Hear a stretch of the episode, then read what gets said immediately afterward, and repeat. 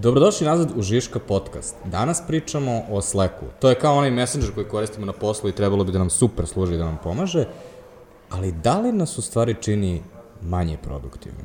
Kao i uvek pratite nas ovde na YouTube-u, Google podcastu, uh, iTunesu, svim slušalačkim platformama, izuzev Spotify-a. To i dalje ne radi.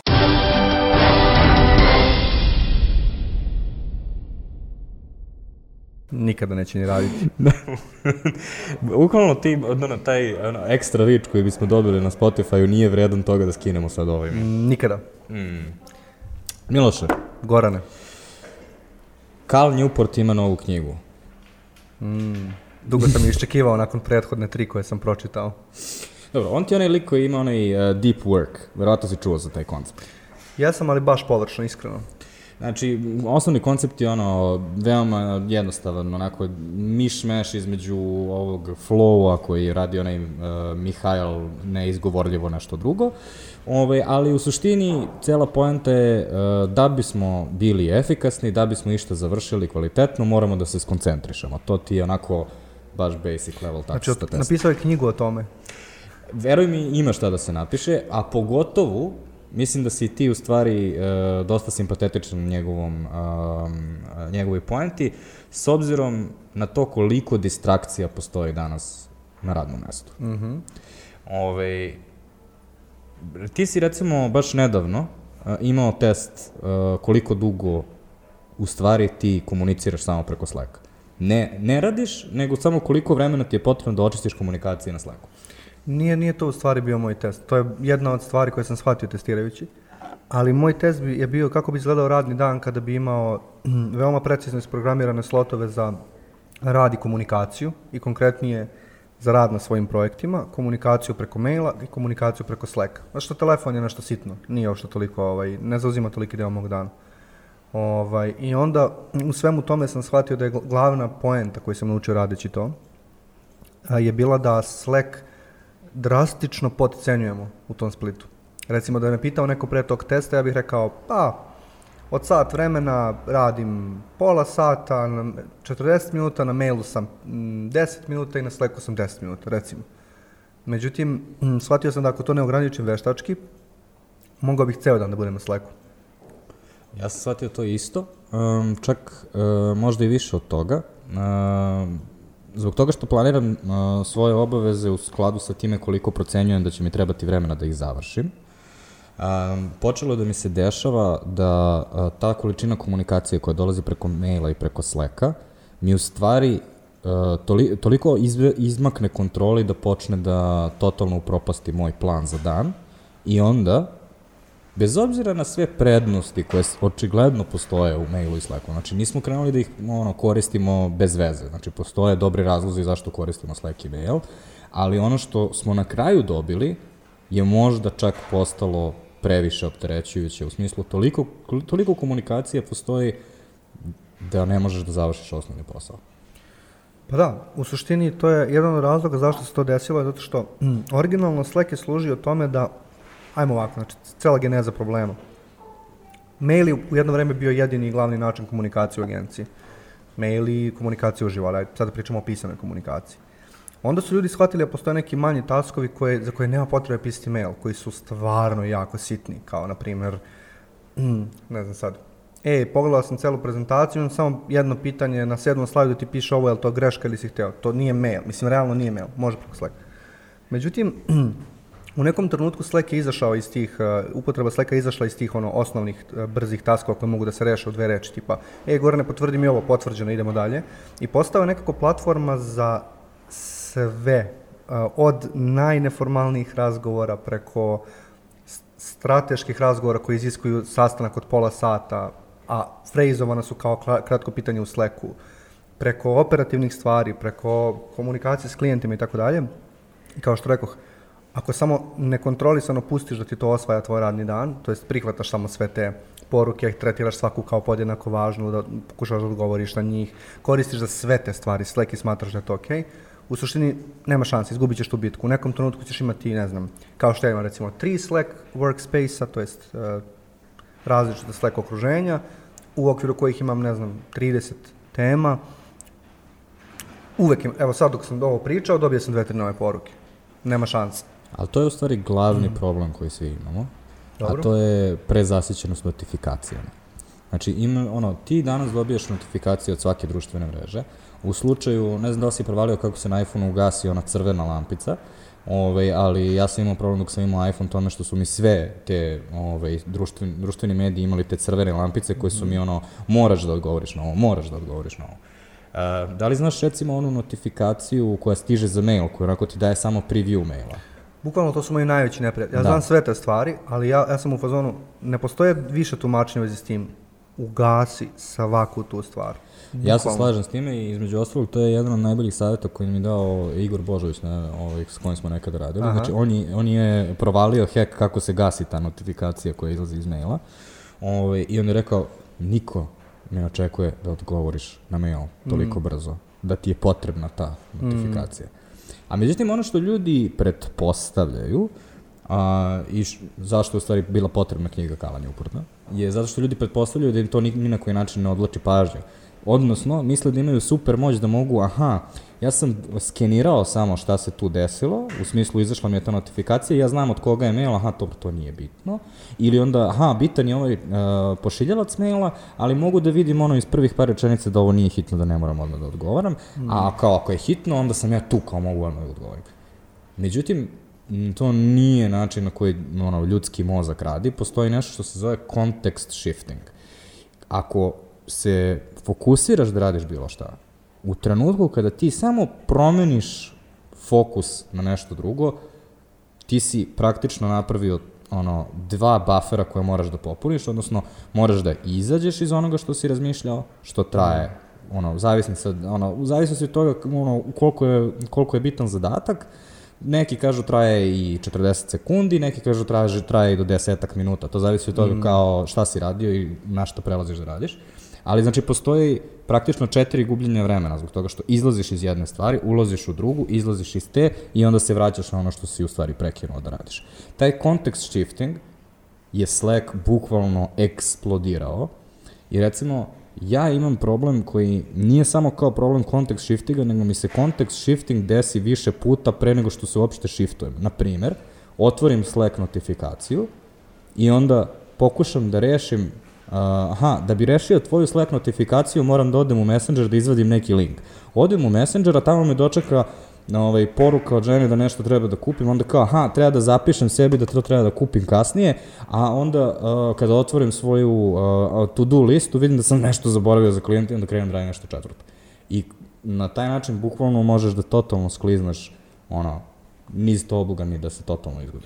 Da, zato što imaš zapravo, nije čak ni cela problematika u Slacku, postoji ta cela problematika više ekrana. Ti imaš svoj računar verovatno na kojem radiš, onda imaš mobilni telefon koji, na kojem isto i radiš i ne radiš. Kao nije toliko ja, čvrsta granica. I onda toliko su česte te promene, jer bukvalno može se desiti ovo što si ti opisao, ali na više ekrana i platformi, tipa ono, kreneš da radiš na kompu, da odgovaraš na mail, stigne ti notifikacija na Slacku na telefonu, kreneš da odgovaraš na to, stigne ti sledeća poruka, bukvalno ono, možeš, kažem, teorijski bi mogao beskonačno da se vrtiš u svom krugu Slacka većinu radnih dana, ali ono što mi je palo na pamet dok si ti pričao je, postoji jedna jako slična stvar koja je postala i pre Slacka, to je priđite neko i pitate mm -hmm. nešto. I u suštini, da li je onda jedan od zaključaka, ako sve složimo da je ovaj kontekst shifting problem i da je Slack jako loš u tome, onda bi to bio dobar argument i za to da recimo sugerišeš da prekidanje na, na radnom mestu nije poželjno ponašanje. Da, pa znaš da, mislim, to je, postoji, kako kažu oni englezi, kao, kao a great body of work, ne znam kako se to kaže kod nas, kao postoje mnoga istraživanja mm -hmm. koje ukazuju da open space kancelarije uopšte nisu kvalitetna mesta za efikasan rad, Aha. Um, upravo zbog, tog, zbog te količine distrakcija koje se dešava. I upravo zbog toga što, uh, recimo čak i kao Newport u svojoj knjizi um, se bazira na primjeru Facebooka i njihovog velikog novog kampusa, pošto Facebookov kampus je totalno open space, kao mm. jedan od najvećih open space-ova na planeti, valjda. Ove, a razlog zašto, um, zašto je on open space je zato što u Facebooku veruju u uh, um, srećne uh, slučajnosti, odnosno kada ne letiš na nekoga, pa onda u tom zajedničkom prostoru se dešavaju diskusije, ljudi razmenjuju iskustva i iz te razmene iskustva ljudi koji nisu generalno u istim timovima, u stvari se stvaraju cool ideje. To je, nek, to je neka teorija koja je kao za open space. I sad postoji neki taj um, ovaj, arhitekta ovaj, ko čuveni, koji je u stvari napravio prve open space-ove. I kada pogledaš šta je on planirao za open space-ove, to je u stvari dosta, dosta drugačije od onoga što, čim, sa čime smo mi završili danas kao open space. Njegova ideja je bila da postoje odvojena mesta gde se, ono, gde možeš da radiš, koja su ipak malo odvojena um, od ostatka i uh, odvojena jedni od drugih a onda da imaš te komunalne prostore u kojima zajedno možemo da diskutujemo, otvorene konferencijske sale gde ono, kao ljudi mogu da se samo okupe i diskutuju oko nečega, a ne moraju da budu obavezno u kao staklenim zidovima. A, međutim, ono kako, zašto open space realno jeste najkorisnije, zato što je najefikasniji način, odnosno na taj način najviše ljudi stane u jedan mali prostor, je tako? Kao ako ne moraš svakome da daš svoju kancelariju, onda mo možemo svi da budemo u redu, rovu ili ovaj, nekom stand-up desku kao god, kao god je a, najlogičnije. Takođe postoji onaj argument da umanjuje šansu nek za nekakvom departmentalizacijom bespotrebnom u smislu ti sad recimo alternativa open space u kojoj imaš 20 recimo 5 ljudi, ti da imaš ne znam 4-5 kancelarija da si nekako grupisao ljude, međutim Svi znamo šta se desi kada podeliš ljude u kancelariji i kada ih grupišeš, oni se dodatno učvršćuju u svojim grupama i kreću da grade kulturu. Mislim, ti znaš, mi smo u našoj prethodnoj kancelariji imali igrom slučaja jednu open space i jednu dodatnu kancelariju. Ta dodatna kancelarija imala potpuno drugu kulturu. Ok, možda malo sad oversellujem, preterujem, ali mogao si da podvučeš neku crtu da kažeš ovo ponašanje se dešava iza zida taj kancelarija, a ne dešava se u open space-u i obrnuto kao definitivno postoji taj, ta mogućnost deljenja koja se dobija kancelarijama.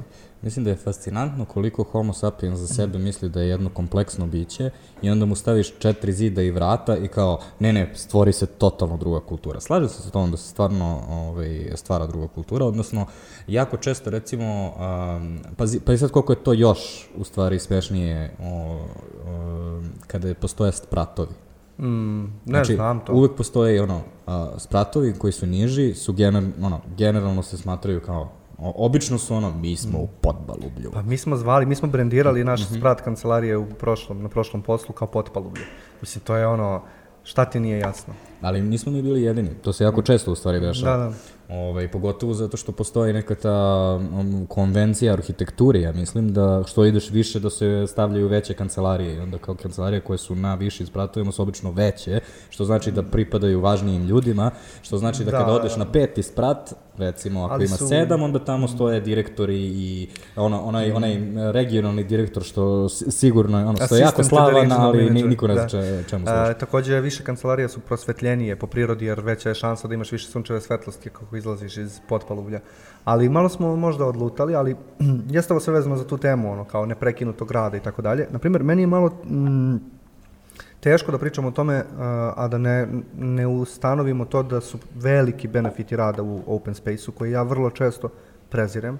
Znači, ti mene sada pitaš ono kao, ja bih danas više volio da sam radio u kancelariji izolovano, ali većinu vremena mislim da postoji taj neki, ono, ja sam kao i Facebook sektaš, verujem da postoji taj, um, verujem da postoji šansa da se desi neki čudni razgovor i verujem da postoji šansa da se desi neki čudni uh, ovaj, um, susreti, ali postoje određeni poslovi kojih nije malo tokom dana, da bi zapravo bilo optimalno da si sam u svom apsolutnom miru. Tako da onaj model koji se meni sviđa, koji sam viđao u korporacijama često relativno, je open space sa dosta drugih opcija, u smislu open space, ali postoje quiet rooms gde možeš sam da se izoluješ, postoje neke manje konferencijske sale koje možeš da zakažeš. Ono, imaš mogućnost um, po defaultu si u open space-u, ali imaš mogućnost sklanjanja u manje prostore čak na ceo dan.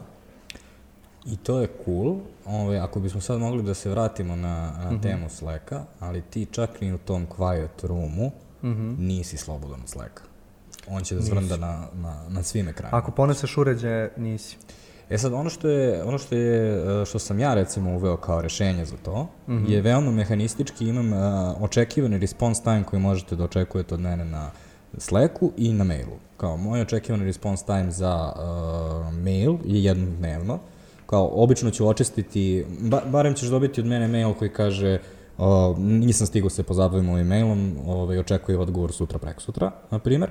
A što se tiče Slacka, to je nekih ono 2-3 sata recimo, zato što m, realno ako sam na sastanku, nekom neću gledati Slack, što znači da ono, to je barem nekih 2 sata koji, ono, koji je minimum koji ono, možeš da očekuješ da ako mi pošalješ nešto na Slack, realno ako ne odgovoram, nešto drugo radim, jel? E sad, ono što je različito kod mene je što sam ja veoma svesno identifikovao zadatke za koje me jeste mi potrebno da se skoncentrišem. I recimo, trenutno radim na nekom treningu ovaj, za community menadžere i e, to je prezentacija od nekih, ajmo, na kraju će spiti 150 slajdova.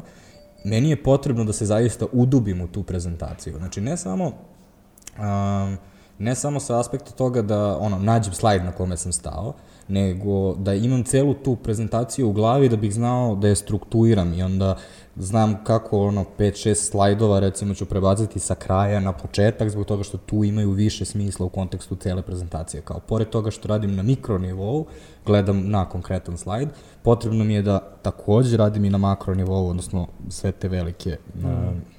Pa u to spada i bilo koji rad na predlogu, na prezentaciji, na scenariju, na konceptu, bilo čega.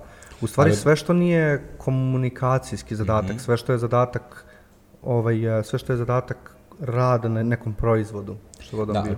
ovo što smo, to što smo mi pričali je nekako konceptualno ide, idejno, a, ali recimo postoji i veoma a, operativno da je potrebno neko vreme, tipa ako otvoriš PSD file bilo kog dizajnera koji ima ono 35 lejera, moraš da se snađeš koji, koji layer da bi znao, znaš ono, to ti je samo da pomeriš nešto udesno. Ne, treba to je da ga otvorim, da ga nađem, pa da onda shvatim kako da, je, kako da ga razvežem, zato što je sigurno nekako ga ono, linkovao i onda tek mogu da izađem. Ili recimo, ako pokušavaš da secneš nešto iz projekta na, u premijeru, to je isto, moraš da otvoriš ceo premijer file, što je ono, samo po sebi zubobolje. Ja? Onda ga otvoriš, onda u njemu nedostaju neki linkovi i nemaš font instaliran na kompjuteru. A ako je tvoja poenta da ne postoji task od 5 minuta, ne postoji task od 5 minuta. Hmm. Ili su toliko redki da je beskorisno misliti da postoje. Kao i planirati s tim.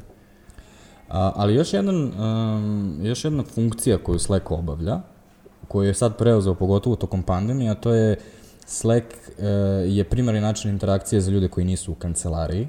Mm. I uh, jako je zanimljivo da recimo Slack ima samo dva kanala koje ne možeš da izbrišeš. Jedan random. je general, mm. drugi je random. Mm. A random kanal je kanal za sprdnju i ono deljenje mimova, jel?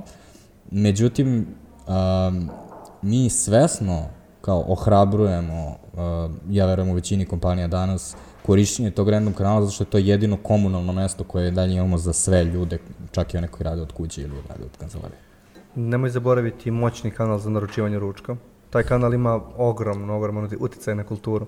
Ovaj, šalo na stranu, meni je uvijek bilo interesantno zašto se Slack odlučio da taj random ostavi kao um, kao defaultni kanal, ali zapravo ima, ima to i smisla. U skladu je s nekom Slackovom kulturom i s Slackovom ambicijom da bude mnogo više od ono, poslovnog komunikatora, jer ljudi Slack koriste za, ne znam, planiranje festivala, za lične projekte, za najrazličitije stvari, oni to žele.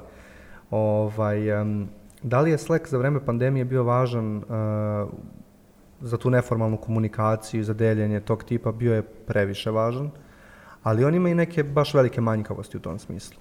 Um, da, možeš da podeliš mim na Slacku, to je definitivno ono, način na koji ćeš ga koristiti, ali mislim da smo nekako svi u nekom momentu odustali od nekih dubljih razgovora i dubljih e, diskusija na Slacku. Nekako Slack nije napravljen za argumentovanu diskusiju u kojoj ćemo sad i ja da razmenimo četiri argumenta i da ono, probamo da uđemo u dubinu tih argumenta i da se, e, da se ne složimo oko treće tačke drugog argumenta.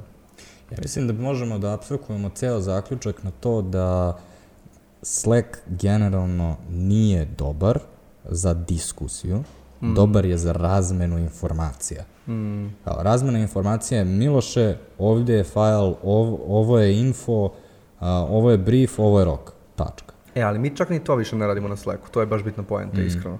Iako smo ranije bili u fazonu, da, da, da, razmenjivanje taskova na Slacku zvuči kao najbrži način. U nekom momentu smo shvatili, baš zbog ove preopterećenosti od koje smo krenuli, da se stvorio ne, stvorila neka vrsta Slack blindnessa i da u stvari ostavljanje uh, taska na Slacku nije garant ni za šta. I onda smo uveli neke alternative kako se tačno ovaj kako se tačno raspoređuju zadaci i moram da kažem da se to u velikoj meri vratilo kroz mail. izuzev što jedan deo organizacije se, na primjer, kod nas dešava preko alata koji se zove Asana i nekih drugih sličnih alata, ali da ne ulazim sad u te kompleksnosti, ali suština je Slack ono, nije dobar čak više ni za to. Dobro, ali u suštini um, za neku dopunu informacije koja nije došla mailom, na primjer, ono, generalno dovoljno dobro šljaka. Mm. A izvini, imam jedno pitanje za tebe. Da li je tebi, razumijem onu tvoju disciplinovanost koju si malo propisao, kao response times and so on, um, ali da li uh, ti se dešava da ti budeš karika koja zajebe, u smislu da imaš svoju disciplinu, ali onda tipa odeš u WC ili nešto i kao Slack, Slack kao društvena mreža, Slack kao ono entertainment kanal, se dešava to? a, ne. Stvarno? A, ne, ali iz razloga što sam postao hipersenzitivan na to kad, kad se meni dešava.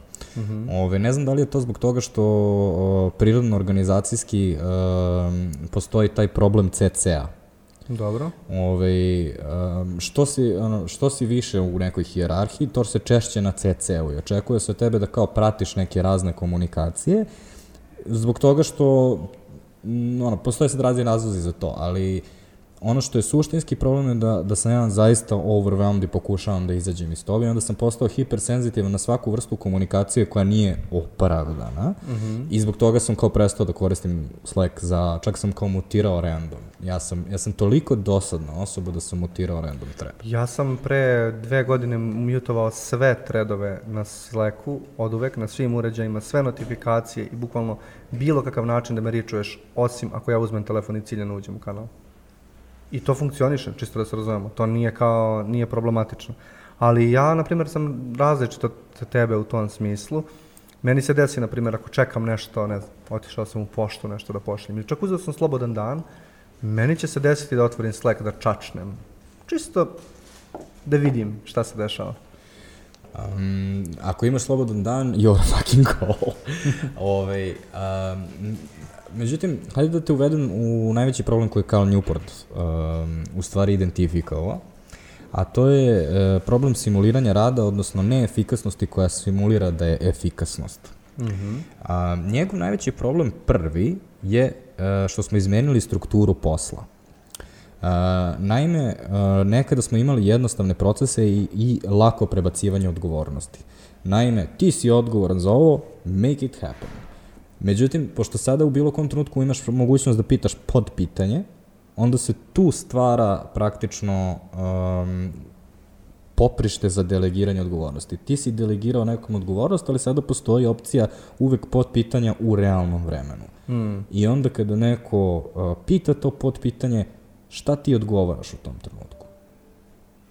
Da li u tom trenutku želiš da odgovoriš na pitanje jer znaš odgovor, ili moraš da budeš ono đubre koje je u fazonu you need to sort this shit out yourself. Rekao bih da zavisi od situacije, ali mislim da češće upadnem u tu zamku da ono samo prihvatim da se sada bavimo time, kao to je sad na agendi. Mm -hmm. I sad, to je ono što je prirodni odgovor zbog toga što mi u stvari konstantno balansiramo između našeg poslovnog odnosa, a to je I, na, I have my shit to do, you have your shit to do, svi imamo neke opise posla i tako dalje, a sa druge strane ti si ljudsko biće, kao ja želim tebi da odgovorim, kao ne želim da đubrem đubre, da ti kažem sad kao reši sam i da ono, nikad ne bi tako pričao sa drugom osobom generalno. I to je problem što Slack jako brlja tu razliku mm. i onda kada ti recimo kažeš nekome, ok, kao ti ovo moraš da rešiš, ti si postavljaš veštačke zidove i ispadaš negativac. Međutim, razmisli kako je izgledalo nekada. Jel se sećaš kad su ljudi govorili, nađemo se u 9 kod sata? I onda dođeš u 9 i 15 i neko te čeka kao, jer da. A danas dobijaš, a, krenuo sam od kuće, a, seo sam u bus, a, bus je skrenuo nešto, ne znam, ne znam gde je skrenuo. Ja, nešto smo produžili sada na, da, na stanici. Odnosno, Miloše, đubre jedno, kada kažeš a, ovaj, celoj firmi na, na General javljaš a, upao sam malo u gužvu, kasnim 5 minuta, u, nećeš doći u 9, nego u 9 i 5. Informacija koju mora da zna 25 ljudi. To je više nasledđe nečega. E, u jednom trenutku za vreme karantine, kad smo baš bili odvojeni, nekako se stvorio taj mim, stvorila se ta navika da taj kanal da se javljamo kada ko stiže koristimo jako absurdno i neefikasno. Ne znam kako je krenulo, neko je prvi napisao idem da prošetam do frižidera i onda su samo ljudi shvatili da je smešno i krenuli da pišu idem da zamišljeno gledam kroz prozor dva minuta. I jednostavno, meni je na neki način malo ostao deo toga. Ja sam svestan da to nije informacija da kasnim 5 minuta, ali čisto kao javljam se. Mislim, bukvalno iracionalno, nema nikakve, ne postoji nikakva vrednost te informacije, ali eto, to je, to je kao, mene to dosta podsjeća na, na neke druge navike koje su se promenile i iako deluju kao da nisu iz, istog, iz iste fioke, zapravo dolaze sa sličnog mesta. Ovaj, kao što smo sad navikli da umesto da ono, nađemo se u 9, pa se ne nađemo u 9, nego u 9 i 15, ovaj, um, postoji još jedna druga stvar, o, fuck, is, ispravilo mi što sam tada ispričao, samo daj mi sekund. Da, drugačiji je bio pojam o, o vremenu, tipa ja tebe čekam u 9 i vidim da ti nema, ono, otvorim knjigu, uzmem nešto, čitam. Sad ima toliko nekako komunikacije da se i očekivanja zaoštrila jako, znaš, više 15 minuta je prosto može četiri puta da se promeni sve za 15 minuta, ono, to je, to je jako weird. E sad, ja sam samo iskoristio uh, primjer mm -hmm. iz privatnog života, međutim, um, ono što se razlikuje u poslovnom životu jeste što si nekad morao da imaš uređen proces šta se dešava. Mm -hmm. I kao ti si morao da, sa jedne strane, Da, postojala je veća odgovornost kada osobi delegiraš zadatak, zbog toga što nije bilo mogućnosti da lako kontaktira, ali sa druge strane postojala i kontraodgovornost da se proces dobro definiše. Znači, kada kažeš ono, šta će se desiti u slučaju da nema Aha. tamo nečega što poče, pošto sam ja pošao. E, mi danas ne definišemo procese, nego sve radimo on the fly. Mm. Vidjet ćemo šta će se desiti. Kao, uh, zbog toga, smo u stvari pretvorili organizaciju procesa koja se konstantno dešava za svaki proces ad hoc, mm -hmm. se sklapa preko Slacka i maila, umesto da jednostavno definišeš proces i onda svi znaš što Znači mi krećemo sa očekivanjem da ćemo se isprekidati hiljadu puta i dopuniti. Tako Odmah je. planiramo s tim. Da. To je mislim da je dosta toksično, iskreno. Jeste. Zbog, I to u stvari, ono, prvo stvara ogromnu količinu dupliranja, mm. zbog toga što se, ono, većina tih koraka za te procese su, su isti. Uh, a drugo ko stvara gomilu dodatne komunikacije koja suštinski nije potrebna. Mm. I onda dolazimo do problema CCA u stvari. Znači, okay. um, tolika količina, šta, šta je u stvari očekivanje kad te neko stavi na CC? Da li se očekuje da ti pročitaš taj mail ili ne? Pošto ako se zaista očekuje da pročitaš svaki mail na kome si CC-ovan, ja sam siguran da barem 30%, 30% ljudi u poslovnom svetu ne može fizički da pročita sve te komunikacije zaista. Znači, NPR, šta, ka, šta znači pročita? Znači, ti si tamo sigurno u nekom mailu koji ima jedno, recimo, 500 reči, ali onda u tom, uh, pored tih 500 reči, stoji neki attachment. Pa onda taj attachment ima sigurno neku politiku koja ima jedno desetak slajdova sitno kucanog teksta, na primjer. Znači, ako si ti zaista tu da budeš FYI i želiš da dobiješ taj information, onda ti moraš da otvoriš i taj attachment, odnosno da se zaista upoznaš sa svime time. Siguran sam da barem 30 do 50% ljudi koji sluša ovaj podcast ne može da obradi svoj inbox na taj način. Slažem se. Mm, mislim da je očekivanje malo, malo labavije. Mislim da je očekivanje da se desi neko dijagonalno čitanje, mm -hmm. e, skeniranje za neke velike red flagove i samo notiranje da se desila ta komunikacija. Recimo, ako si ti na CC-u, pročitat ćeš mail i ćeš, ma ovde nema ništa, evo, Jelica razmenjuje dogovor oko kalendara aprilskog za klijenta, u prilogu je kalendar, neću ga otvoriti, samo bitno mi je da znam da se desilo to. Jeste. I ovaj, sasvim si u pravu, to jeste ono što je realno očekivanje, mm. ali to i jeste problem. Mm. Zbog toga što šta je očekivanje oko, oko raspodela odgovornosti onda? Jer ti si rekao, aha, skeniranje je možda za neke velike red flagove. Mm. U kom smislu velike? Ako su zaista nešto što je, ono, može da napravi veliki problem, onda je osoba koja šalje mail bi već trebalo da bude upoznata sa time. U suprotnom, kao što kaže Karl Newport, nemamo dobar proces. Jer mi nismo upozorili nekoga ko trenutno komunicira o nečem. Na primjer, ono što se često očekuje od nas kao seniora u agenciji jeste da znamo dobro zakone o advertisingu i da primetimo kada neki post ili neka kampanja ono, možda će prekašiti zakone. Mm -hmm.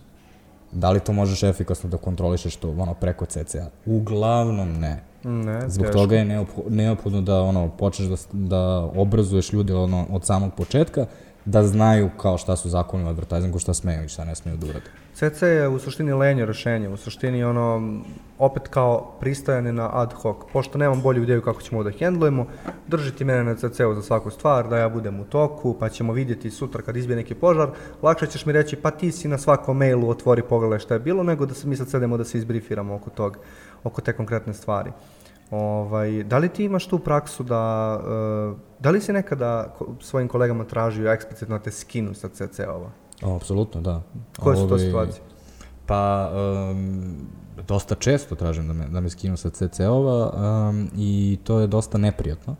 Odnosno, zbog toga što postoji to implicitno očekivanje da ti budeš na CC-u, mm. um, osjećaš se malo kao da failuješ uh, ono što je tvoj zadatak. Mm -hmm. I, um, znači, ono, ti si recimo, ne, direktor na nekom klijentu, kao, ovaj, recimo, direkcija projekata. Znači, od tebe se očekuje da pratiš tu komunikaciju, ali tako? Klijent to očekuje, tvoj tim to očekuje. Onda ti kažeš, skinite me sa ovoga. I onda su svi u fazonu, pa dobro, okej, okay, ali šta, znaš, onda, onda ti time postavljaš tu granicu, koju u stvari niko ne želi, ono, svi žele da, da izbegnu da se postavi, a to je, kao, sa jedne strane, ja on, sve što želim da postignem jeste da smanjim svoju količinu komunikacije, ali sa druge strane, ono što ja radim, jeste, kažem tebi, ovo je tvoja odgovornost sada You're on your own. Whatever happens, you're responsible. Your funeral. Moram da nastavljam da ti objasnim kao ko, koji je, ono, koji implicitno koji ti praviš jaz tu mm. ovaj, između ljudi. Um, međutim, um, ono što sam ja shvatio kada sam, kada sam razmišljao o svim ovim stvarima, jeste da uh, u stvari mi uh, ne optimizujemo ove radne procese uvek za efikasnost. Dobro. To je samo ono što ljudima prvo padne na pamet, Ove, jer kao, najlogičnije je da ćeš uvek optimizovati procese za efikasnost, ali to nije uvek tako. Jer recimo ti uh, optimizuješ često radne procese za komfor. Pa recimo, ovaj, um, ono, pričali smo o tome da tokom pandemije Slack jedino ovaj, um, što drži praktično ljude na okupu. Uh, odnosno taj, e, ta mogućnost da pošalješ taj mim nekim ljudima u firmi je jedino što pravi trenutno timski duh. Ali druga stvar koja mi je pala na pamet je, e, e znaš one ljude koji drže onu, ono, pun desktop ikonice? Stefan se zovu. Stefan je poslednji primer, ali postoji Sonja je jako dugo isto držala ovaj, gomilu tih ikonica. Ja, uh, jesi primetio šta se desi kada im objasniš da je to neefikasno? Da, otvore folder, nazovu ga desktop i ubace sve ikonice u, de, u taj folder. A, ali, o, mislim, više sam želeo da te pitam kao, ka, ono, šta je njihova interna reakcija kao? Jer ono što u stvari se dešava je da na, prv, prva reakcija koju obično kažu je ali meni tako odgovara. Odnosno, mm. oni svoj identitet baziraju kao oni su ti likovi koji imaju nesređen desktop. I sad, sve ove, sve ove efficiency hackove koje smo mi malo pre primenili, ljudi će ti reći, da, ovaj, nije efikasno, ali meni je lakše da ja mogu da pričam s ljudima, konfornije mi je, bolje se osjećam u timu kada to mogu da radim. Mm. Kao što ljudi koji imaju puno ikorica desktopu, bukvalno izgledaš kao da im, ono, sečeš njihov identitet time što im kažeš ne, potrebno je da bude manji broj da možeš da se organizuješ i da lepo dođeš do fajla. Ja sam baš dosta razmišljao, pokušao sam da nađem mesto u srcu da oprostim mojim ljudima, ali ja bukvalno, mene strašno triggeruje ta navika. Skoro kao i neki ono, uh, radni sto pun čaša papirnih od pre četiri dana i ki, kutije od kineza i ćebeta, ne znam nija čega, prebačnog preko tastature. Jednostavno ne postoji nikakvo opravdanje za to da imaš na desktopu bilo koji file na kojem, na kojem aktivno ne radiš u tom trenutku. Ali, bukvalno, izgubio sam tu bitku, odustao sam davno od toga. Um, nisam siguran da je to komfort, mislim da je to određena vrsta um, Ne mogu da tvrdim ovo, ne znam, ali mislim da problem ide malo dublje od toga. Mislim da nije, nije razlog toga što imaju te ikonice što se tako ono, osjećaju konfornije i lepše, nego postoji ta neka potreba da se stvori određeni utisak. Neko drugih kao da ja tebe sad hoću da, da tebe impresioniram brojem ikonica, nego ja želim da se osjećam kao neka, kao neka hobotnica koja radi mnogo stvari. Prija mi taj osjećaj, osjećam se moćno u toj ulozi. I da. mislim da te ikonice služe kao neki badge of honor toga. Da, ili kao ono, ja, ja sam osoba koja je ono, generalno nesređena i plivam u haosu mm. i to mi prije. Samo ja razumem svoje sisteme. Da, ali to su sve za mene prioritizovanje Kom. lično mm -hmm. komfora, kao ti želiš, ti želiš da radiš na taj način, ali to nije efikasno. Mm. Kao, ono, let's just be clear about that. To ti je kao mm. kad ti mm. neko pošalje recimo scenariju, to je baš meni čest primer, i sad komentarisati nečiji scenariju je težak posao to je specifična vrsta posla, to jest e, da, dati feedback na scenariju. Šta se smeš? Pa zato što sam htio da kažem, ma jednostavno sam kažem, ništa ne valja! da, da. Svi koji su to radili znaju da je teško, zato što postoji ta čudna polunevidljiva granica između davanja feedbacka na tekst na ono što je tekst i na neke veoma suštinska uverenja i pretpostavke u vezi s tim. Tako da ono, jako je teško raditi taj posao, evo, garantujem, ovaj, dosta ga, relativno ga često radim. Moj prvi instinkt kada bi neko pošalje scenariju je da odem bukvalno u kafanu s tom osobom i da kažem čekaj da sedem i ja se ispričam, ja kažem kako jeste. To je do bola neefikasno. Zato što sve što bih ja u tom trenutku je, uh, želeo da kažem, šta je moj instinkt, m, ne postoji način da druga osoba to razume tako, izrečeno. Ja moram da sednem, da sredim svoje misli, da strukturiram svoj feedback, da ga ostavim na način na koji je moguće raditi s njim. To je za mene veoma nekomforno, ali kao to je pravi način da se radi. E sad zamisli koliko sitnih stvari mi radimo na ovaj kafanski način, a u stvari bi trebalo da sednemo, otvorimo neki dokument, pokušamo da strukturiramo svoje misli. A, zašto je još prioritizovanje komfora koje se deša, zašto koristimo Slack toliko? To je ona uh, razlika između boomera i milenijalaca. Mm -hmm. um, da li, ono, mi smo generacija koja je navikla na messengere, zbog toga što uh, Messenger je um, uh, finija mreža, odnosno uh, uljudnije je da ja tebi pišem na Messenger zbog toga što onda ti možeš da pokupiš to onda kada tebi odgovara. U trenutku kada te zovem telefonom, prekidam te u nečemu što radiš, što je jako nepristojno. I sad, ovo će zvučati našim starijim gledalcima kao ono, zaista čudno, ali zaista postoji neki cut-off point i ja mislim da sam ja negde kao 86. godište negde tu tačno na pola, zato što um, ovaj, posle određenog godišta kao ljudi ne vole da se javljaju na telefon i sad to postoji već kulturalni mi mlađim generacijama je kao, zamisli, životinja zove na telefon, a ono, znaš onaj uh, stereotip ono, biznismena 90-ih koji ono non stop je na telefonu. Na dva telefona, jel? da, da. Da, i uh, takođe to ima veze i sa organizacijama. Jer recimo mi smo kao mlada organizacija u smislu generalno nam je takav ono, mlađi tim, ali ako si neko ko je čak i mlađa osoba koja radi u organizaciji u starijem timu, ti ćeš verovatnije onda komunicirati sa tim ljudima, ono, naučit ćeš da koristiš telefon mnogo češće. Mm -hmm. I sad, ono što sam ja uveo je um, po inerciji takođe sam išao ka Messengeru, odnosno Slack mi je bio default opcija. Međutim, onda sam uveo da za svaki zadatak razmislim pre i smislim da li je najbolje da za ovo koristim Slack, ili je bolje da zovem telefonom, ili je bolje da ostavim voice message. I sad, to su znači tri opcije. I daću ti primere. Uh, recimo, poku, ovaj, ti i ja se koordiniramo za sastanak i ja uh, hoću da, ono, da završim taj mail i da ovaj, pošaljem meeting request i da znam da se, ono, ko ide na sastanak. Ja tebe zovem. Zato što znam da ako ti pošaljem Slack, ti ćeš me pitati kontra pitanje a da li možemo vama? A ja znam da ti imaš sastanak u to vreme, a znam i da možeš da ga pomeriš.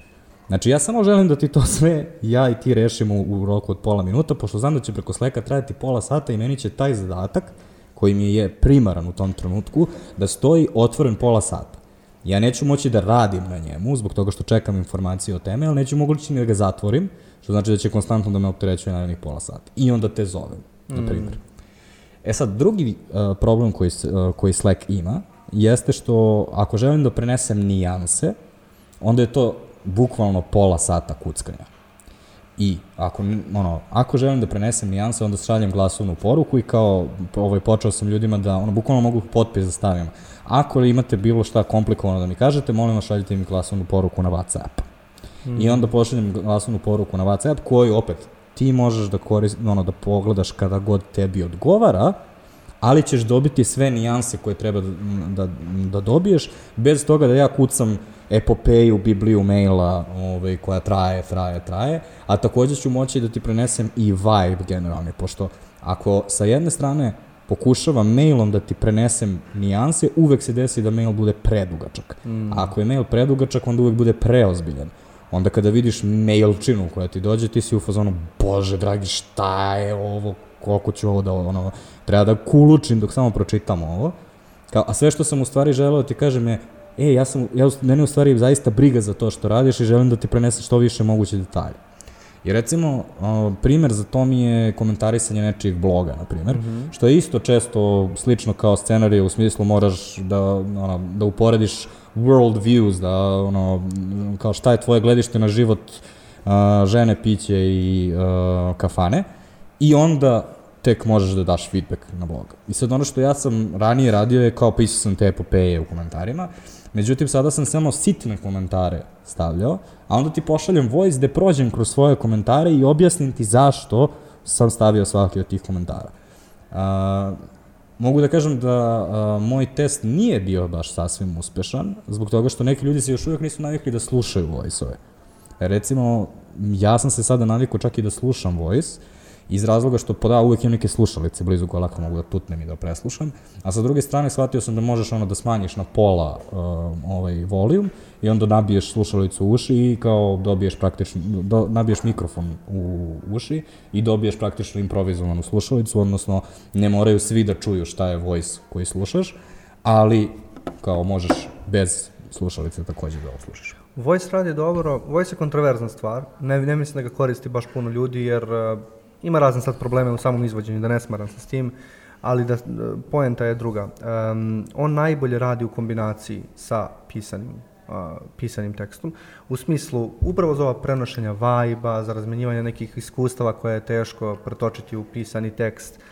Toga nema puno tokom dana. To je recimo, e, Gorane, bio sam na razgovoru X, razgovor je prošao dobro, dogovoreno je Y, međutim, stiže ti voice, šta se još umeđu vremenu desilo? To je, to je voice idealan, ako već ne možemo da se čujemo ili ne znam šta.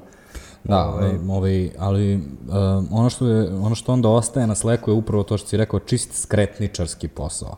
Mm. U smislu razmene informacija. Desilo se ovo, odlučeno je to mm. i onda ono što možeš da izdvojiš na voice je dugačko objašnjenje m, zašto smo se odlučili baš za to više kao neki kontekst, ono, razmena nekog, možda čak i osjećanja, možda nije pogrešno reći u vezi s nečim. Mm -hmm. ovaj, zato kažem, nemaju, nemaju ljudi toliko potrebe tokom dana za snimanje tih voice-eva, to je otprilike, mislim da nije pretarivanje ako kažem da to koriste više ljudi na višim pozicijama koji vode dosta tih nekih diskusija koje su veoma otvorene i nestrukturirane, da je nekako važno da ljudi ono osete, to su često HR procesi i slični procesi.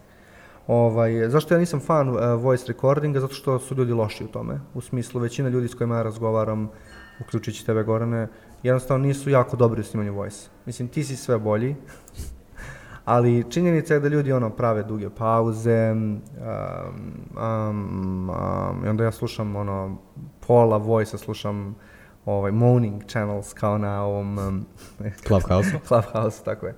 Ovaj međutim um, Iako sam inicijalno bio protiv, protiv korišćenja voice messages, um, nekako sam se navikao, to jest uvideo sam neku korist od toga i recimo moj ritual je ako završim s poslom i imam neke nepreslušane voice messages, a već sam nekako odlučio da je okej okay da mi sede ti voice messages pod 5 sati na telefonu, što mislim da je baš bitna poenta.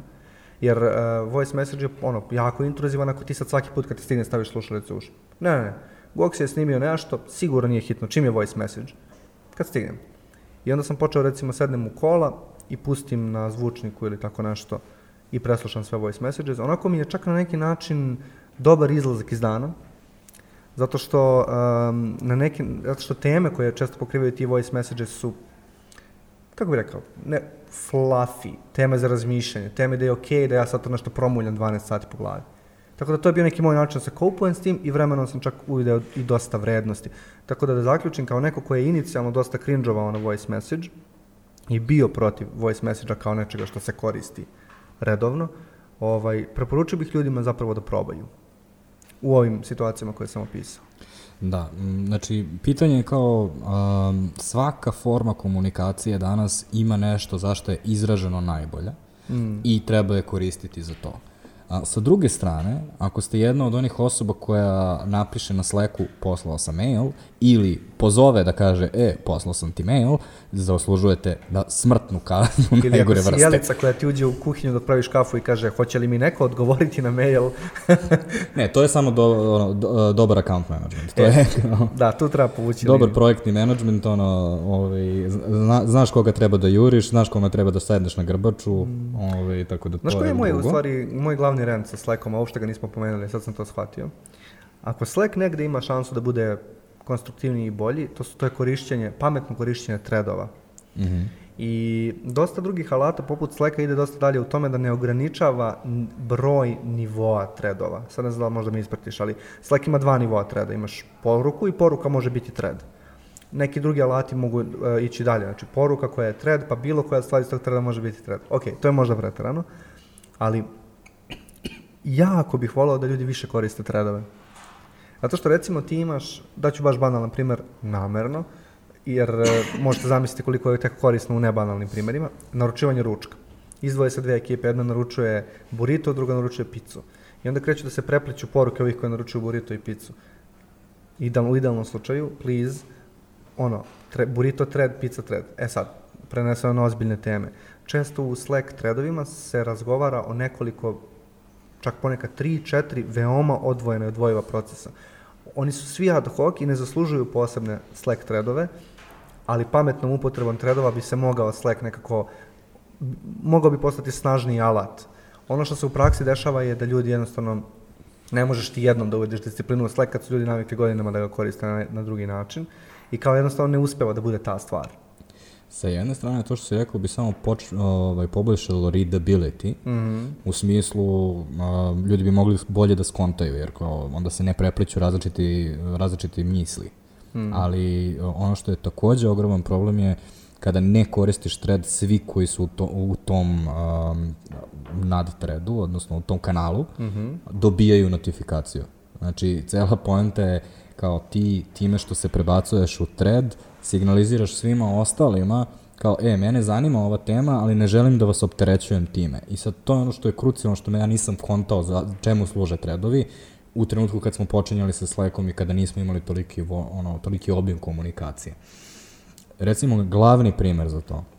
Slack ima one automatske odgovore. Mm -hmm. a, mi imamo automatski odgovor na gotovinski, mm -hmm. a, koje je Alex napravila nekad, ćao Alex. Ove, I on ti izbaci koji su podaci žiške za plaćanje koje treba da, treba da daš nekome kada ti treba gotovinski račun. Ljudi to napišu u general. Što znači da će 25 ljudi da vidi da ste vi trenutno tražili gotovinski što ima nula koristi za dva, ostalih 25 ljudi sem vas, a pritom istu stvar možeš da napišeš sam sebi i da dobiješ isti odgovor. Da, bukvalno. Jezivo je. Ali dobro, to je Slack. I pritom nismo uopšte ni ušli ni u upotrebu uh, emojija kao ono, kao ultimativnog načina korišćenja Slacka, da ti uđeš i samoštikliraš pet stvari koje su se desile. Postoji dosta ti nekih sitnih, m, totalno ludih, ono, uvrnutih Slack ponašanja koja smo prihvatili kao, pa da, to je normalno. Da, ali ono što je fundamentalni uh, problem koji kada ti izvoziš komfor na druge ljude, a to je u stvari kada pitaš pitanje za koje je potrebno kompleksno objašnjenje. Mm. I ovaj, to je u stvari način na koji sam ja, zašto sam ja uopšte uveo voice message na ovaj, kao, u početku, zbog toga što uh, dosta često dobijem pitanje ako, ovaj, a šta bi ovde trebalo da bude? I onda odgovor na to pitanje je uh, ne znam, znam tri pretpostavke šta može da bude, mora da se proba i onda kada se proba u zavisnosti od toga šta ispadne, ovo su šest mogućih varijanti koje će ispasti iz toga što upravo pitaš. Hmm. Da bi to efikasno objasnio na Slacku, potrebno su mi ono, potrebno mi kucam pola sata. Međutim, kao u glasovnoj poruci je relativno lakše da, ovaj, da to ovaj, izvučem. Tako da ono što ja uvek gledam je uh, uvek pre nego što pošaljem pitanje, razmislim da li je to i drugoj osobi takođe jednostavno da to odgovori. Jer ako nije, onda ću najverovatnije pokušati da prošetam do te osobe ili ću je pozvati telefonom. Mm. Ili ćeš možda ponuditi neku alternativu, ako nisi siguran da li je odgovor na tvoje pitanje dugačak, komplikovan, jednostavan, možeš biti u fazonu ej Gorane, odgovori mi na ovo ako možeš, ako misliš da je ovo kompleksnije od ovoga, pozivam te da uradimo stvar B, C ili D. Sa jedne strane se slažem sa tobom, sa druge strane postoji jedan problem sa tim pristupom koji ti e, dosta često primenjuješ, a to je da onda ljudi predodaju, onda ljudi promene u stvari kontekst tvog pitanja, zbog toga što ako neko prilazi sa toliko overthinkinga, ljudi pretpostave da ne zato što su debi, smo debili kao nas dvojica koji overthinkujemo sve, nego zato što ti misliš da je to pitanje jako važno. I onda ti pitaš neko jednostavno pitanje, ali kažeš, ako misliš da je ovo bitnije, ja im nekdo drugde, onda šta ljudi drugi pomisle? Znači, ovo je sigurno bitno. Čim on meni sugeriše ovde da je mm. bitno, a sve što ti stvari tela kažeš je, snimi mi voice, ako... Mm. I sad, zato ja mislim da je ono, vrednost ovog podcasta nema na čemu, je u tome što možemo da ustanovimo, ono, ako ima sistem koji svi razumeju, kao onda nema te vrste miskomunikacije, kao u smislu ti pretpostavljaš da je ovo meni bitnije, kao, ili um, ono, um, šta je obim feedbacka koji možeš da dobiješ, kao, ne, evo ti, obim feedbacka koji možeš da očekuješ i kad god pošalješ nešto dobit ćeš, ono, ne znam, kao x broja komentara, što, ovaj, odnosno kako mene zajebavaju, 12, i još pored toga ćeš dobiti glasovnu poruku. 12 kratkih komentara i glasovna poruka Fair je standardni enough. feedback. Fair enough, mislim, ono, to je stvari, cela ta stvar se zove odgovorno odnošenje prema komunikaciji. Ako smo već skapirali da je komunikacija jedna od najvažnijih stvari u organizaciji, načine koje komuniciramo, kao hajde samo da ih promišljamo, da ih menjamo, da se bavimo njima ono, konstantno, a da ne upadamo u inercije, kao što inače upadamo. Međutim, postoji još jedna druga stvar koju često prioritizujemo, a da nije efikasnost. Odnosno, u biznisima jako često mi ne radimo efikasno, već radimo sa većom količinom kontrole. Mm -hmm. I recimo, ovo si ti baš fino razjasnio u jednom trenutku kada uh, si pokušavao da objasniš zašto neka videoprodukcija košta x, a neka druga košta 10 ili 50x. Mm. I onda si rekao, ono što se u stvari kupuje tim dodatnim uh, ovaj, tim dodatnim novcem jeste kontrola. Ovaj, što je ono odgovor na pitanje zašto recimo onaj Dollar Shave Club može da napravi viralni video za ne znam 200 dolara, a ovaj, neka reklama koja košta 100.000 dolara u Americi ovaj, nema uopšte, ono, ne izgleda uopšte kao dobar video. Mm. I sad, da li možeš da objasniš ljudima, znači, ono, šta je, ono, na koji način se recimo u videoprodukciji, znači, ono, dešava kontrola? Kao kako kupuješ kontrolu? A u suštini meni je to bila bitna tema zato što, zato što postoji predrasuda da ti um, sa većim budžetom ostvaruješ bolji output. A tu u stvari je samo žestoko pojednostavljivanje i nije ni tačno. Ono što ti kupuješ je kontrola, u kom smislu? Recimo, zamislimo da ti ja snimamo sutra uh, dokumentarni film o Žiški. Recimo, odlučili smo da snimamo dokumentarni film o našim kolegama, o našem radu, o našoj kancelariji. I budžet nam je nula. E, mi ćemo doći sutra na posao, shvatit ćemo da Uh, kamera koju smo hteli da snimamo nije tu, imamo drugu, nema veze, međutim na posao nije došlo dvoje ljudi za koje smo mi onako neformalno razmišljali, bismo volili baš njih da snimimo. Um, kad smo upalili svetlo i upalili kameru, shvatili smo na licu mesta da to ne izgleda baš sjajno, da bi bilo cool da na stolu imamo, imamo, imamo ipak neke propse, jer je malo praznikava kancelarija u poslednje vreme i ljudi ne rade toliko iz kancelarije. I sad da nabrajam dalje. Sačekalo nas je gomila nekih nesigurnosti, gomila nekih ad hoc okolnosti koje mi ne možemo da tretiramo ni na koji način. Šta se u stvari kupuje u produkciji e, budžetom, to je šta, šta se uopšte kupuje, šta možda dobiješ za novac, ti u stvari svaku tu stvar koju sam sad naveo, to su svetlo, oprema, talenat, to jest glumci, e, scenografija, props i tako dalje, ne prepuštaš slučaju, već ih definišeš. To znači da ćemo mi nedelju dana pred snimanje obezbediti prisustvo tih ljudi koje smo želeli, e, brifirati ih po pitanju kako, toga kako, kakve kostime želimo da obuku, to kako želimo taj dan da se obuku, imaćemo svetlo, imaćemo kafe na stolu, kupili smo u Ikea da malo u, ovaj sredimo, dopunimo stolove, e, pomerit ćemo ovaj ormar tamo u skladišter, znamo da hoćemo dalje da izađemo kamerom u jednom, u jednom kadru i tako dalje. Znači, mi smo odlučili da gomilu nekih stvari ne prepuštamo slučaj da ih ne radimo ad hoc, nego da ih kontrolišemo to nama daje izvesnu šansu da će naš finalni proizvod biti bolji, jer smo mi zbog uspostavljanja te kontrole promislili sve te stvari, ali apsolutno nije nikakav garant. On je samo naš komitment da ćemo se mi na određeni organizovan način baviti upravo tim stvarima na taj dan. I to košta man hours, to jest broj sati, broj ljudi, to košta određene resurse, da, da nabaviš sve te stvari i tako dalje. E sad, kako se ovo prenosi na Slack? A, svaka ta odluka koju si ti upravo pomenuo može da bude odobrena ili može da bude donesena autonomno. Mm -hmm. Znači, sa jedne strane, recimo, ovaj, često kada praktikanti organizuju svoje prvo snimanje, mm -hmm. da li je ovaj props dovoljno dobar? Ne, to je krpa, nakle god radi posao koji treba da radi, ok je da bude krpa, recimo.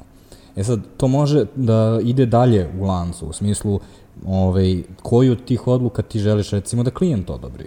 Ovaj, ako je klijent brand manager ili ako je ovaj, možda koju od tih odluka treba marketing direktor da odobri i tako dalje i tako dalje.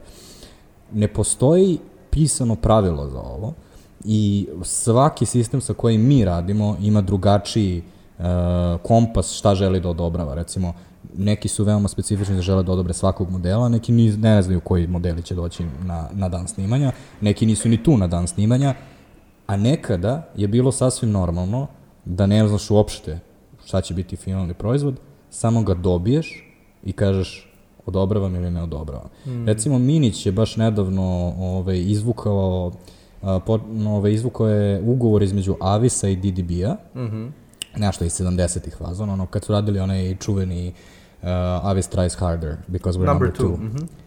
I um, jedna od klju, ključnih članaka, uh, ključnih tačaka tog ugovora je da Avis neće pokušavati da popravi ili uh, promeni oglase koji dolaze iz DDB-a, već će samo da kaže approve or disapprove. I da, ono, fokusirat će se na briefing deo da objasni dovoljno dobro poslovni kontekst. Sad, ono što se dešava u današnjem, opet zbog toga što to je veoma jasno definisan proces je veoma jasno definisane odgovornosti onda. Ono što se dešava u današnjem biznisu svugde jeste da postoji mnogo veće preplitanje, mnogo veća kontrola od strane mnogo više ljudi koji onda kažu ovaj, uh, koji onda imaju mišljenje o svakom mogućem, svakoj mogućoj odluci koja se donosi. Hmm. Znači, to je jednostavno promena koja je bila omogućena sa tehnologijom kao što su Slack, Messengeri i mail i koju smo mi odabrali onda da, da tu ono, novu efikasnost koju smo mogli da, da imamo, u stvari zamenimo za dodatnu vrstu kontrole koju sada priuštavamo u svim našim Ja mislim da je neophodno da se uspostavi jedan hibrid u odnosu na ova dva sistema. S jedne strane bi bio full micromanagement, da svaku odluku prolazimo zajedno, i sa druge strane bi bio Avis DDB koji je kao uh, uložit ćemo sve u proces, ali verujemo vam nema odobrano, neodobrano, sve binarno. Postoji nešto između. To između je pre početka svakog projekta, ovo posebno važno u produkciji ume da bude, uh, identifikovanje ključnih aspekata tog projekta, to jest stvari na koje me ovo može da padne. Jer ti recimo u tom dokumentarnom filmu možeš da snimiš ili ne snimiš uh, Gorana, možeš da snimiš ili ne snimiš uh, ovaj kadar sa svetlom i tako dalje, ali sigurno postoje neki faktori koji su make it or break it, neki faktori koji će ono nedvosmisleno odlučiti da li je to upotrebljiv materijal ili ne ok je da imamo mnogo više komunikacije i mnogo više mikromanagementa od tih dva faktora. Recimo, jedan je casting, drugi je odabir muzike, baš sam lupio. Ali za sve drugo ćemo zadržati taj mindset koji neće trpeti mikromanagement. Ja e, se bojim da pri tome onda neko mora da odluči šta su ti stvari koji su make or break, da, a kada to treba da odlučiš onda često promašiš. Um, ovaj, podsjeća me na, na priču o NASA Challengeru, ne znam da li znaš tu. Ove, um, posto, postali su neki zaptivci, odnosno mm. um, semerinzi između ove, zidova rakete. I sad, ovaj, to je kao business case koji se uči zbog toga što oni su imali podatke koji su im Uh, koji zavisnosti od toga kako ih gledaš, odnosno da li gledaš full data set ili gledaš samo ograničen data set, izgleda da su oni imali dovoljno, odnosno nemali dovoljno ovaj, podataka da zaključe nešto. Ove, ali šta je punchline svega? U nekom trenutku na tom sastanku uh, jedan od inženjera uh, se javio i rekao um, meni deluje kao ja imam osjećaj da ovo ne valja i da ne bi trebalo da lansiramo. I sad imaš 30 ljudi na kolu. E, ovaj, svi koji su došli su došli sa spremljenim prezentacijama, veoma ono, ovaj, detaljno istražene sve moguće stvari. Međutim, problem što je, niko nije znao kako bi uopšte trebalo testirati te zaptivke i ovaj koji radi na osjećaj je u stvari ima najviše informacija, jer on je jedini koji je to pogledao, jedini koji zna šta sa time treba se desi. Međutim, nis, ono, oni nisu poverovali njegovom osjećaju mm -hmm. zbog toga što ono, pratili su svoje procedure. E sad, to je ono što, što je problem, kao ti možeš da overthinkuješ koliko je NASA overthinkovala da bi e, nekoga poslala na mesec, ali i dalje u nekom trenutku neki lik će tamo da ima osjećaj i on će da bude u pravu. Mm. Ove, ovaj, to, je, to, to je moj problem koji imam sa time i sad ono što je moj zaključak vezano za to iz, ove, ovaj, je da mislim da je najbitnije da osvestimo da kada god uh, se dešava bilo kakav konkretan projekat, svi ljudi koji na bilo koji način doprinose bilo kakvim feedbackom ili bilo kakvim odlučivanjem vezano za taj projekat su jedan tim. Taj tim mora da se uigra i trebalo bi da evoluira. Jer u slučaju da ono, ih sve raspustiš i onda totalno staviš drugi tim, pitaj Boga šta će se desiti. Ako, recimo, raspustiš samo neke ljude iz tog tima, pa onda ovaj, zameniš samo te neke ljude, verovatno se neće raspustiti ceo tim. Zavisi od toga da li su ti ljudi bili ključni u timu ili ne. Međutim, ono što je moj glavni, glavni zaključak je da osvestimo da ono, za jedan projekat, za jedan proizvod koji se na, ono, na kraju proizvede, šta god on bio, da li bio neki video, bila kampanja, bila strategija komunikacije, da ti ljudi koji svi učestvuju u tom lancu su zajedno u jednom timu i da moraju da evoluiraju svoj rad, ne na osnovu da evoluiraju svoj projekat, da li je uspešno nego, da evoluiraju rad. Znači, kako smo mi došli do naših zaključaka, jer smo zadovoljni diskusijama koje se dešavale, da li je ovo bio dobro organizovan proces. A to je mm. onaj često uh, ima nesretni naziv post mortem, neki ga zovu post by, ovaj, mi ga zovemo evolucioni sastanak ili kako god, ovaj, koji svi izbegavamo zato što on često dosta aprijatan, jer ako je projekat prošao dobro, šta onda ima da ga diseciramo, ako je prošao loše, daj nam da ono, stavljaš so na ranu. Mm, ja se baš slažem s tim, ali to je ekstremno teško postići i mi smo uspeli da Jer ono što možda nije jasno iz tvog izlaganja, to je da ti sugerišeš da taj tim čine ljudi koji su prosto zaposleni u različitim ono, kao da. kompanijama. To ide protivno svim stvarima koje znamo o korporativnoj agencijskoj kulturi u zadnjih ne mm -hmm. XY godina. I ne kažem da je nemoguće. Mi smo uspeli sa, ovaj, sa dosta naših klijenata da ostvarimo, da, da formiramo takve timove, ali to je onako m, poduhvat. Svaki put je poduhvat. Svaki put moraš da ustanoviš tu stvar, da podsjećaš ljudi da je to ta stvar, da gajiš tu kulturu. I konkretno, ovaj, ako se to adekvatno uradi, čak i ti postmortemi nisu uopšte toliko problematični. Mi smo recimo imali jedan, radili smo jedan video projekat za jednog klijenta i imali smo nakon toga dugačak call koji smo mi inicirali, kaže mi, deo tima iz agencije. I bukvalno smo im rekli, ovo su stvari koje vi niste primetili, mi smo svi zadovoljni videom. Ovo su stvari koje vi niste primetili, ali je nama važno da vam ispričamo šta mi mislimo da, da je pošlo loše u našem radu na ovom projektu, jer mislimo da možemo zajedno da naučimo nešto iz toga. Oni su bili bukvalno, ono, za, za većinu stvari su bili u fazonu, mi ovo nikad ne bismo skontali, ali definitivno ćemo imati ovo na umu i razmišljat ćemo o ovoj stvari sledeći put. Bilo je, ne znam, jako, jako pozitivno poslovno iskustvo i brojni su efekti. Nije, nije samo dobar, nije samo jedini efekt što se gradi taj timska, gradi ta timska dinamika, dobar odnos i tako dalje, nego je stvarno jedno okruženje u kojem ljudi mogu baš mnogo da nauče i da se oslobode nekih anksioznosti, da se oslobode nekih strahova. A, na primjer, jedan od velikih je da pričaju o greškama svojim otvoreno. Um, da, međutim, samo da se vratimo na temu, danas je tema Slack mm -hmm. i uh, ovaj, kak je veza, znači ovo sve ima sa, uh, sa Slackom, je da moramo da, priz, da moramo da osvestimo da je svaka ta vrsta komunikacije i kada god komuniciramo o određenim stvarima, to je dodatni instrument kontrole mm. i ako proveravaš nešto preko Slacka i neko ti šalje nešto na proveru preko Slacka, to je dodatni instrument kontrole koji ti možeš da priuštiš ili ne. Mm. Znači, ono, moramo da vidimo da li je neophodno da recimo ja pogledam svaki thumbnail koji se napravi za ovaj uh, podcast ili kao dizajner, you design. Ja nemam nikakve veze sa Šira poenta ovaj, ovaj, za ceo ovaj podcast je Slack je dizajniran da olakša i ubrza komunikaciju, ali ukoliko samo pustiš Slack da radi svoju stvar bez da se ti pitaš išta o tome, izvesno je da će doći do over komunikacije, izvesno, izvesno je da će doći do ono ovaj, prezasićenosti komunikacije, da će dobar deo te komunikacije postati besko, ne baš koristan ili beskoristan, a onda će to kao posledicu imati ovaj Slack blindness, da ljudi u stvari više neće videti bitne stvari na Slacku. Tako da, kao i svi drugi kanali komunikacije, nekako bitno je osvestiti to i onda aktivno učestvovati u kontrolisanju toga. Prvo na individualnom nivou, znači odlučiti kao što si ti odlučio kada koristiš Slack, kada ga ne koristiš i tako dalje, a onda na organizacijom nivou razgovarati kao što mi radimo o dobrim i lošim praksama upotrebe Slacka na isti način kao što, kao što razgovaramo o svim drugim procesima. A, mislim da si sad napravio jako lepu, jako lep siže ovog podcasta. Znači, sa jedne strane naša presuda je da, iako Slack ima dosta dobrih strana, ako, ono, za koga što nemamo nikakvu kulturu korišćenja Slacka, odnosno samo smo prihvatili nasumično da ta stvar postoji i krenuli da je koristimo, zbog toga što ne postoji ta kultura postoji realna šansa da se otegne, otrgne kontroli količina te komunikacije i da ona postane veoma opterećujuća za ove određene ljude.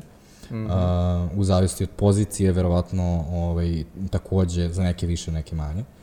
Da je najbolji lek koji možemo da vidimo jeste da nam je potrebna neka vrsta edukacije i ovim podcastom smo želeli da doprinesemo zajednici time što ćemo pokrenuti ovu važnu diskusiju ali svakako bi valjalo da um, negde postoji, ono, da, da postoji barem svest o tome da je potrebna edukacija u korišćenju Slacka i maila, da to nije samo nešto što kao svako zna da koristi, svi smo se rodili, svi se slažemo kako se koristi, nego je ipak neophodno ovaj, da ljudima objasnimo neke stvari. Recimo, za mene ona, ona poenta o tredovima, ne znam da li se sećaš, ja sam tebe u jednom trenutku pitao, kad smo počinjali sa Slackom, a čemu služe tredovi? Ove, ovaj, tako da, no, a, kao i svaka stvar sa iskustvom dolazi, ono, dolaze zaključci i znanje koje su ti neophodni da shvatiš ovaj, kako nešto funkcioniše. Meni je za Slack takođe još jedna poenta dosta važna, a to je da čak i veoma cool stvari mogu imati veoma negativne aspekte. I to je nešto što ljudima stvarno teško da prezvuče u glavi, zato što Slack je objektivno cool stvar, ali dalje može da bude loša za pet drugih stvari.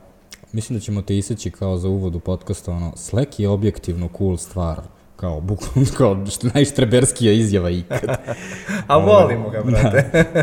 Ove, međutim, uh, ove, šta, šta je moj uh, savet ljudima onda? Uh, kao mislim da je potrebna određena vrsta ono, liderstva i ove, u uh, adresiranju problema Slacka.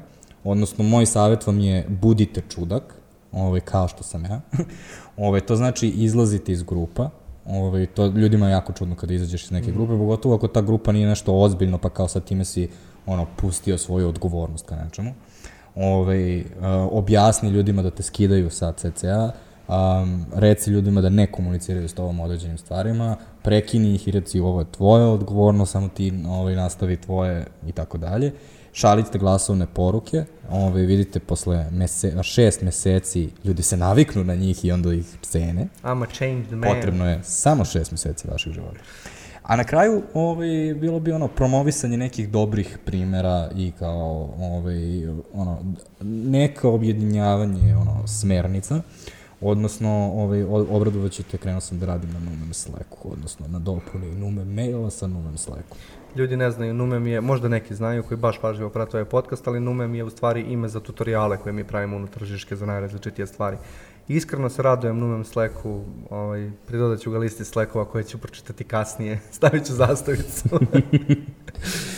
hvala vam što ste bili danas sa nama i ovaj, sada možete da se vratite na svojih 300 nepročitanih notifikacija na Slacku ali pre nego što krenete da odgovarate na njih, razmislite da li je zaista neophodno i da li je zaista bilo neophodno da dobijete svaku od tih notifikacija.